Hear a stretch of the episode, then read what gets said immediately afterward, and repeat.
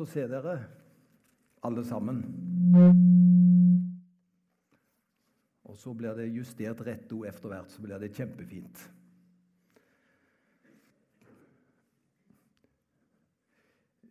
I menighetsrådet så har vi snakka litt, og vi kommer fortsatt til å gjøre det, eh, hva som er viktig for oss i tiden nå og tiden som ligger foran. Og da har vi samla oss om ett ord. Og det kom et bilde nå. Efterfølgelse er ordet. Og så eh, har vi bestilt det bildet og fått det som vårt, så dette er lovlig å se alle disse menneskene. Men det er overkommelig. Det er ikke så mange, men du ser det er småbarn der. Det er foreldre, og det er besteforeldre. Og sammen så ønsker man å ha en indre og en ytre vekst. Og Det som vi særlig skal bruke tid på, og som jeg kommer til å bruke tid for denne høsten, det er å konsentrere oss om den indre veksten som må være der i vår menighet. Og Det dreier seg altså om efterfølgelse. Det er jo det som er saken, det er å følge Jesus. Det er han som er herre. Det er han som er sjefen. Og så er det vår oppgave å følge han i vår hverdag og i det som ligger foran oss. Så da skjønner du Det bildet kommer til å komme ofte opp som det første før prekenene mine, men det er liksom bare introbildet for det det dreier seg om. Eh, det er ulike sider ved efterfølgelse. Og Da kan vi få neste bilde, for det er det jeg skal tale om i dag. Kirken som en byggeplass. Jeg fikk akkurat før gudstjenesten Vi har en veldig ivrig sekretær nå i menighetsrådet og som er opptatt av eh, å samle på papirer og protokoller og alt som har vært. Og så sier Jan at eh, det ble bestemt i 1946 at det skulle bygges kirke her. Det tok 18 år, sa han, fra de første spede tankene til bygget her sto her. Og så vet vi, altså gikk det ytterligere år, og så ble det et påbygg. Så vi kan si det at eh, Kirken hos oss har også vært på en måte en byggeplass. Og når man bygger, så tar det tid. Og Nå skal du høre det som inspirerer meg til å tale i dag. Det var at jeg fikk høre om en katedral. Jeg vet ikke om kanskje noen her har sett den katedralen. La Sagrada Familia. Men jeg skulle gjerne vært der, så nå viser jeg til noe som jeg ikke selv har sett. Men det er en fantastisk katedral i Barcelona. Barcelona er jo mer kjent for andre ting, uten å gå veldig inn på det.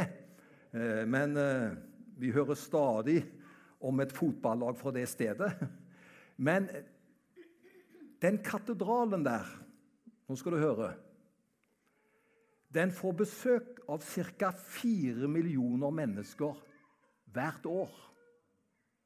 Så det er den største turistmagneten i byen.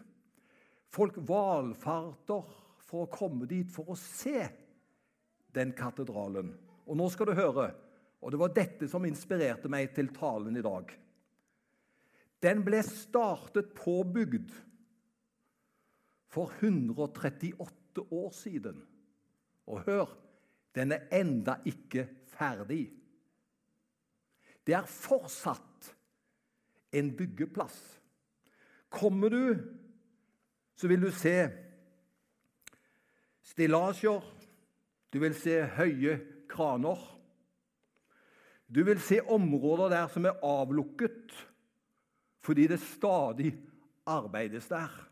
Det er rett og slett efter 138 år så er det fortsatt en byggeplass. Er ikke det enormt?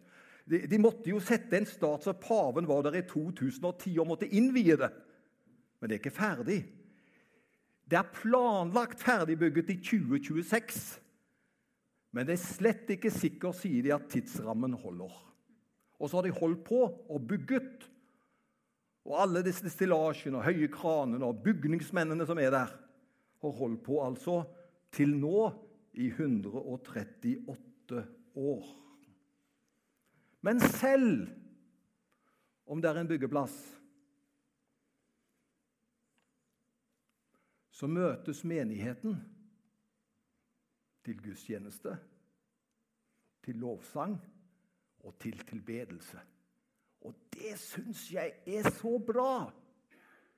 Det er fortsatt en byggeplass, men i byggeplassen så samles menigheten regelmessig, for de ønsker å tilbe Gud. Og da forteller dette det er slik det er å være menighet. Vi blir aldri ferdig med det byggverket som Herren holder på. Vi er en menighet som er en byggplass, og Herren bygger. Men samtidig så er det mye som skjer. Så er menigheten et sted hvor vi kommer til gudstjeneste. Det gjør vi i dag. Vi ønsker å ære og prise og love Gud midt i byggeaktivitetene. Og vi er også inne i en byggeprosess. Vi skal jo ut av kirken og inn i foreløpige lokaler. Men det, kjære venner, må aldri forhindre oss i å være kirke. For det er kirke Gud har kalt oss til å være. Og da skjønner du hva jeg mener med det. Herren ønsker å bygge sin menighet. Og Derfor er det en prosess som aldri blir ferdig. Men vi skal være en del av dette byggverket. Og Derfor er det alltid et spørsmål som vi må stille oss. Hvordan kan vi bygge menigheten sterkt innover? Så vi kommer i de funksjonene som Herren vil, og at vi er virkelige efterfølgere av evangeliet. Og Nå skal vi i mellomstadiet ut til Forus, og da ber vi til Gud om hvordan kan vi være til velsignelse for naboene der ute. Det er masse mennesker som bor der. Hvordan kan vi være en menighet som fungerer innover? Det er det han har kalt oss til. Jeg syns eh, byggeperioden på 138 år er et fantastisk godt eksempel. Fordi Kirken blir aldri ferdig, og den blir aldri fullkommen. Det er en byggeplass. I overført betydning vi blir aldri ferdig. Vi er alltid underveis. Og Jeg må si at jeg blir skeptisk når jeg møter kristne som opplever at de er ferdige. De er liksom fullkomne, de har nådd målet. Da tror jeg vi har misforstått. Som Guds menighet så er vi alltid underveis. Herren gjør alltid noe med oss. Ikke her, men noen ønsker noen steder å vise fram en fullkommen og blankpolert kirke. Og da skal man gjerne vise hvor flinke og dyktige folkene som holder til der, er. Da blir fasaden viktig. Atmosfæren blir egentlig kald. Det blir upersonlig fordi man blir redd for å gjøre feil. Jeg husker en morsom historie. Vi ler av det nå, vi har lett over det lenge. Men første gangen Ebbe kom inn i mitt foreldres hjem, så så hun at det var en helt annen kultur det, det hjemmet hun kom ifra. For det hjemmet hun kom fra, det var en byggeplass. Jeg vet ikke hvor lenge de hadde holdt på å bygge på huset. Og bare som et eksempel, når vi hadde bryllupskake når vi gifte oss, så hadde vi tre forskjellige typer kaker oppå hverandre. Det var vår bryllupskake. Og, og, og, man kom i siste liten, for de la så lite vekt på sånne ting. Det var andre ting som. Men jeg kommer fra en kultur hvor det var nærmest en sånn rokokkostil. Og da kan du tenke Det var voldsomme ytterpunkter. Og når Ebbe kom der første gang, så var hun livredd at du skulle søle på duken. Og tenk, Tenk om vi kommer borti noe, og noe skulle gå i stykker, for det var masse flotte, dyre gjenstander som far hadde kjøpt som sjømann fra Østen. Og så kommer hun, og så var hun nervøs. Tenk om, om vi bommer, sa hun. Det gikk veldig bra. Men vet du hva? Vi har ulike kulturer og vi har ulike bakgrunn. Nå betyr sånne ting veldig lite. Etter vi fikk fosterbarn, så betyr de ytre tingene enda mindre. Når vi da kom til jul, så var det ikke snakk om skal vi ha kalkun eller skal vi ha ribbe eller skal vi ha det. Da var det snakk om pølse med brød, for det spiste barna. Noe annet var vanskelig i den tida. Vi ville ikke ta kamp på det. Man lærer jo hva som er verdier, hva som er viktig. Jeg er redd hvis vi får kirker som blir så fine og blankpolerte at man tør nesten ikke å være seg sjøl, for man er redd for å falle igjennom. Vet du hva? Jeg vet om menigheter hvor de nesten ikke tør be til Gud, for de lurer på holder bønna mi et rett nivå. Jeg tør nesten ikke vitne, fordi er vitnesbyrdet mitt godt nok? Vet du hva jeg har lyst til å si til menigheten i dag? Vi er en byggeplass hvor Herren må få lov til å bygge i våre liv. Og jeg vil ikke være pastor i en fullkommen menighet, for jeg vil være den første som bryter. For jeg er ikke fullkommen sjøl. Det er ikke du heller. Vet du hva? Det er vanlige mennesker Gud tar seg av. Og så skal vi være med å bygge Guds rike. Og det skjer først og fremst inni oss. Og så skjer det noe veldig bra. Jeg vet ikke hvordan vi er kommet i bildene. Jeg har kommet litt ut av planen min, Kurt, men kan jeg få neste bilde? Yes, vi er underveis. Hva skal vi gjøre for å bygge en menighet? Den vogna der til venstre, oppi der er det masse flotte, runde hjul. Men vet du hvilken hjul de har på vogna? De er firkanta. De strever med å komme fram, for de har ikke runde hjul. De er firkanta. De har lagt vekt på feil ting, og det går nesten i stå. Og så er hele vogna full av rette hjul. Bare de hjula kunne blitt brukt. Og Derfor skal vi be til Gud om at det blir slik at vi får fram det Gud har gitt oss. Det er masse flotte hjul, for å bruke bildet. Og disse må komme på vogna og disse må komme i aktivitet. Gud bygger sin menighet. Og da er det feil hvis vi bruker feil hjul. Da vil det bli hakkete hvis vi har firkanta hjul. Men hvis det er runde, flotte hjul, da er det så fantastisk, og da går det nesten av seg sjøl. Gud bygger sin menighet, og vi er alle sammen underveis. Bli med meg på et annet bilde. Nå forflytter vi oss fra den flotte katedralen som ennå ikke er ferdig. Vi går til en bilforretning. Har, mange av oss har vært inne i en bilforretning. Noen har vært der. Konene kan ikke si vi er der for ofte. Tok du den? Men eh, mer eller mindre så har vi vært i noen sånne eh, butikker, bilbutikker, bilforretninger. I salgsavdelingen så vil du se den ene bilen flottere enn den andre. Man ser en utstilling som jeg pleier å si, av ferdige produkter. Ikke sant? Bilen er gjort i stand. Den er ren innvendig og utvendig. Den er helt flott, og den skal gjøre et slikt inntrykk at den bilen, den ønsker jeg å kjøpe. Men langt bak ikke i salgsavdelingen, men langt bak i samme bygg. Der finnes det et verksted. Det er ikke der kundene får sin omvisning. Der finnes det bilmekanikere i kjeledresser. De er skitne på hendene. Og bilene som står der, har iallfall Litt skade, noen har masse skade. Den bilen der har jo bare fått en liten bunk. Men noen har store bulker. Noen har ødelagt den ene siden eller trykket inn fronten. Her er det snakk om arbeid som må gjøres før bilene kommer ut på veien igjen. For bilene er skadet. Om Kirken blir presentert som et utstillingsvindu av ferdige produkter, blir jeg uvel og betenkt. For slik er ikke livet. Man får seg noen bulker og skrammer underveis. Livet er utfordrende. Men da møter Herren oss. Nå skal du høre hvordan Herren møter oss.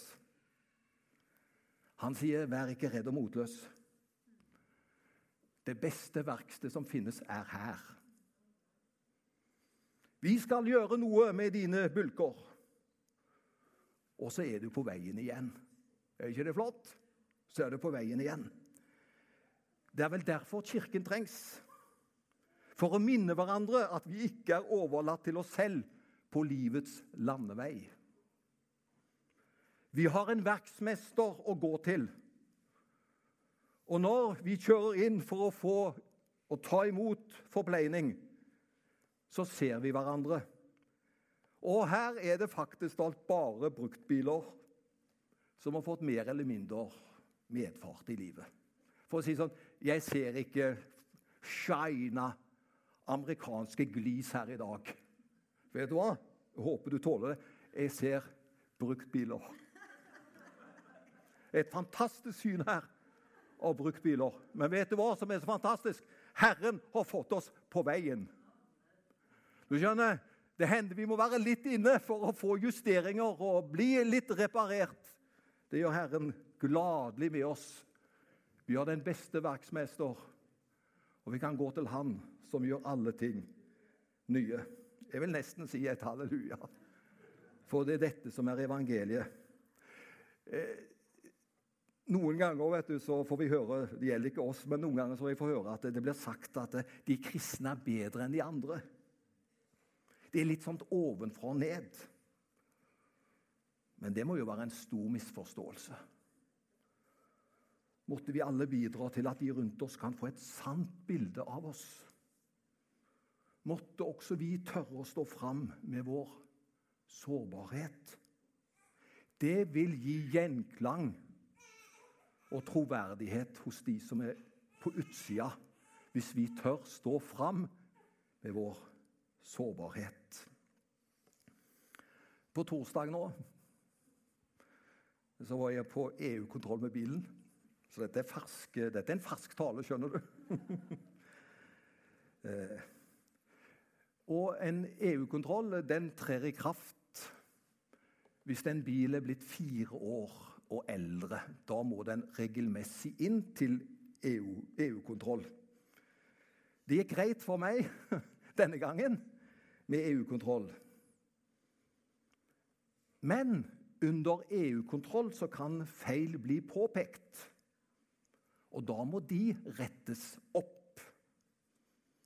Og vi trenger også, vi som er her, og ikke bare oss, men vi trenger alle en åndelig EU-kontroll med jevne mellomrom. Det vil bare styrke oss, det.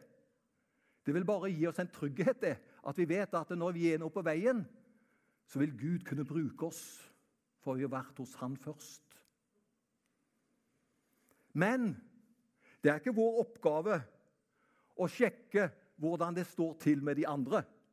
Du skjønner, Vi må ikke liksom eh, leke biltilsyn og leke at vi er verksmester på verksted, som vi har innsyn og innsikt i andres liv.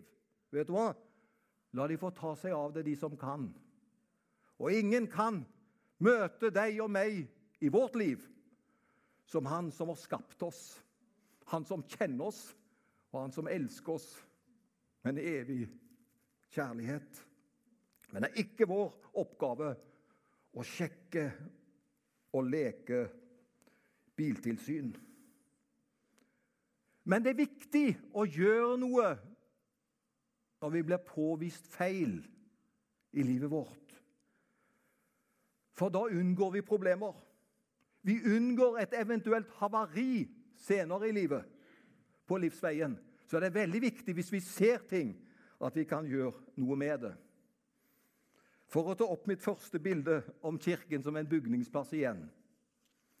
Kirken Det er jo mange ord som er brukt om Kirken. Et, et veldig vidunderlig ord som er brukt om det at det er, et tempel. Og Da kommer jeg inn på det som blir enda mer personlig. Kirken, tempel. Og det har jeg allerede sagt så sterkt for å understreke vi blir aldri ferdig klarert. Vi er alltid underveis. Det er alltid noe mer å gjøre. Men Paulus sier faktisk talt at hver enkelt av oss er et tempel for Den hellige ånd. Og da skal vi lese noe. Det kom et bibelvers opp i 1. Korinterne 6, 19 og 20. Så menighet Men hvem er menigheten? Det er du og jeg. Vi har det store tempelet, men hver enkelt av oss er et tempel for Herren. Og da står det Vet dere ikke at kroppen deres er et tempel for Den hellige ånd som bor i dere, og som er fra Gud? Altså Den hellige ånd er fra Gud, som bor i oss. ikke er det flott? Dere tilhører ikke lenger dere selv. Dere er kjøpt, og prisen betalt. Bruk da kroppen til Guds ære.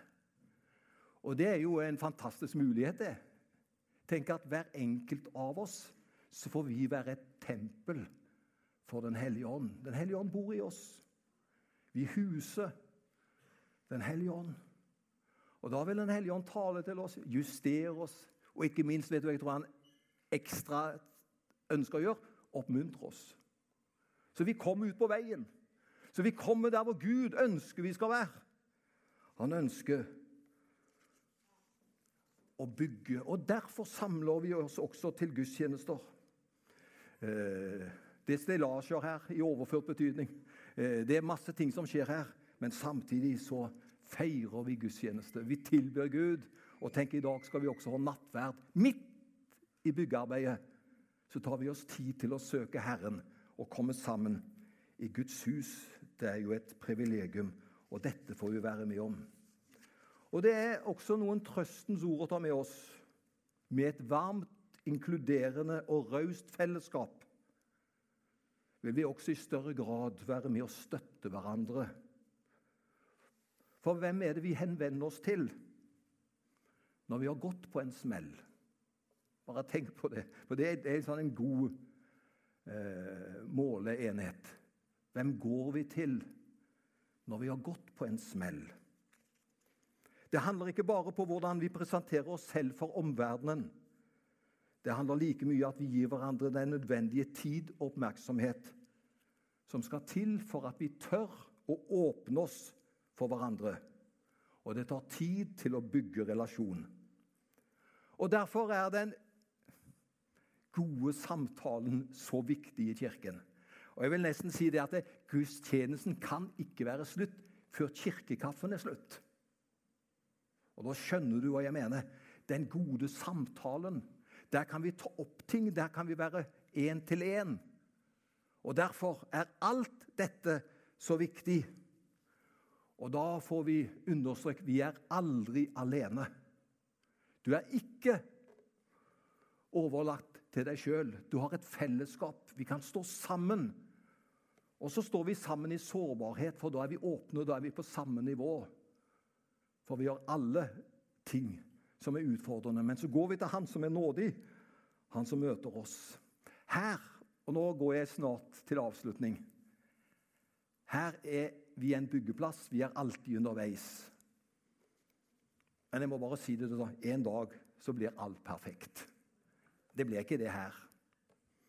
Det var vel en som sa til Bill Graham at kan du, kan du anbefale deg med en menighet, for jeg vil inn i en perfekt menighet. Og Da sier Bill Graham ja, da er ikke du den rette til å gå inn der. For da vil den bli ødelagt når du kommer inn. Og det er jo slik. Vi finnes ikke perfekte menigheter, og det finnes ingen perfekt pastor.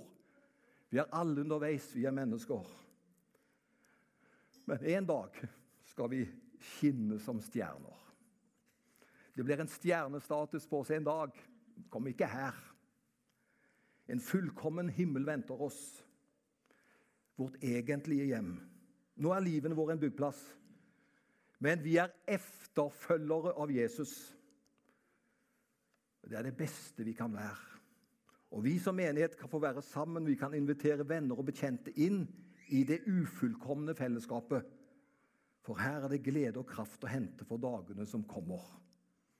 Og Så avslutter jeg med det ordet som jeg hadde på bønnesamlingen før gudstjeneste, hvor Jesus hilser oss med. Og der har vi faktisk holdt. Ser du det fine bildet der?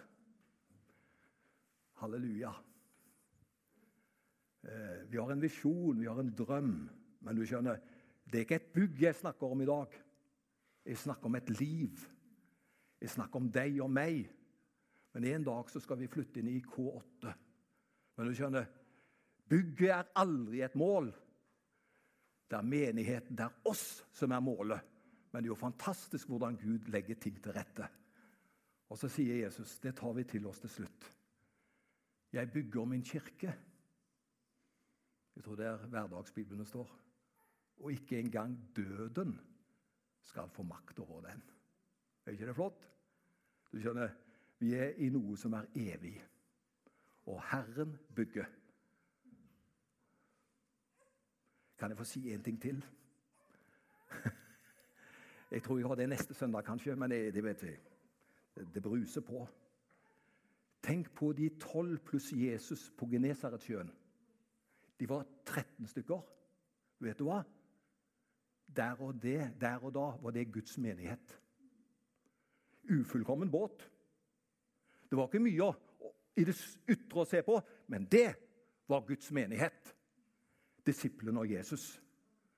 Tenk om de hadde gått ned. Da hadde menigheten vært et avslutta kapittel. Men du skjønner, dødsrikets porter skal ikke få makt over den.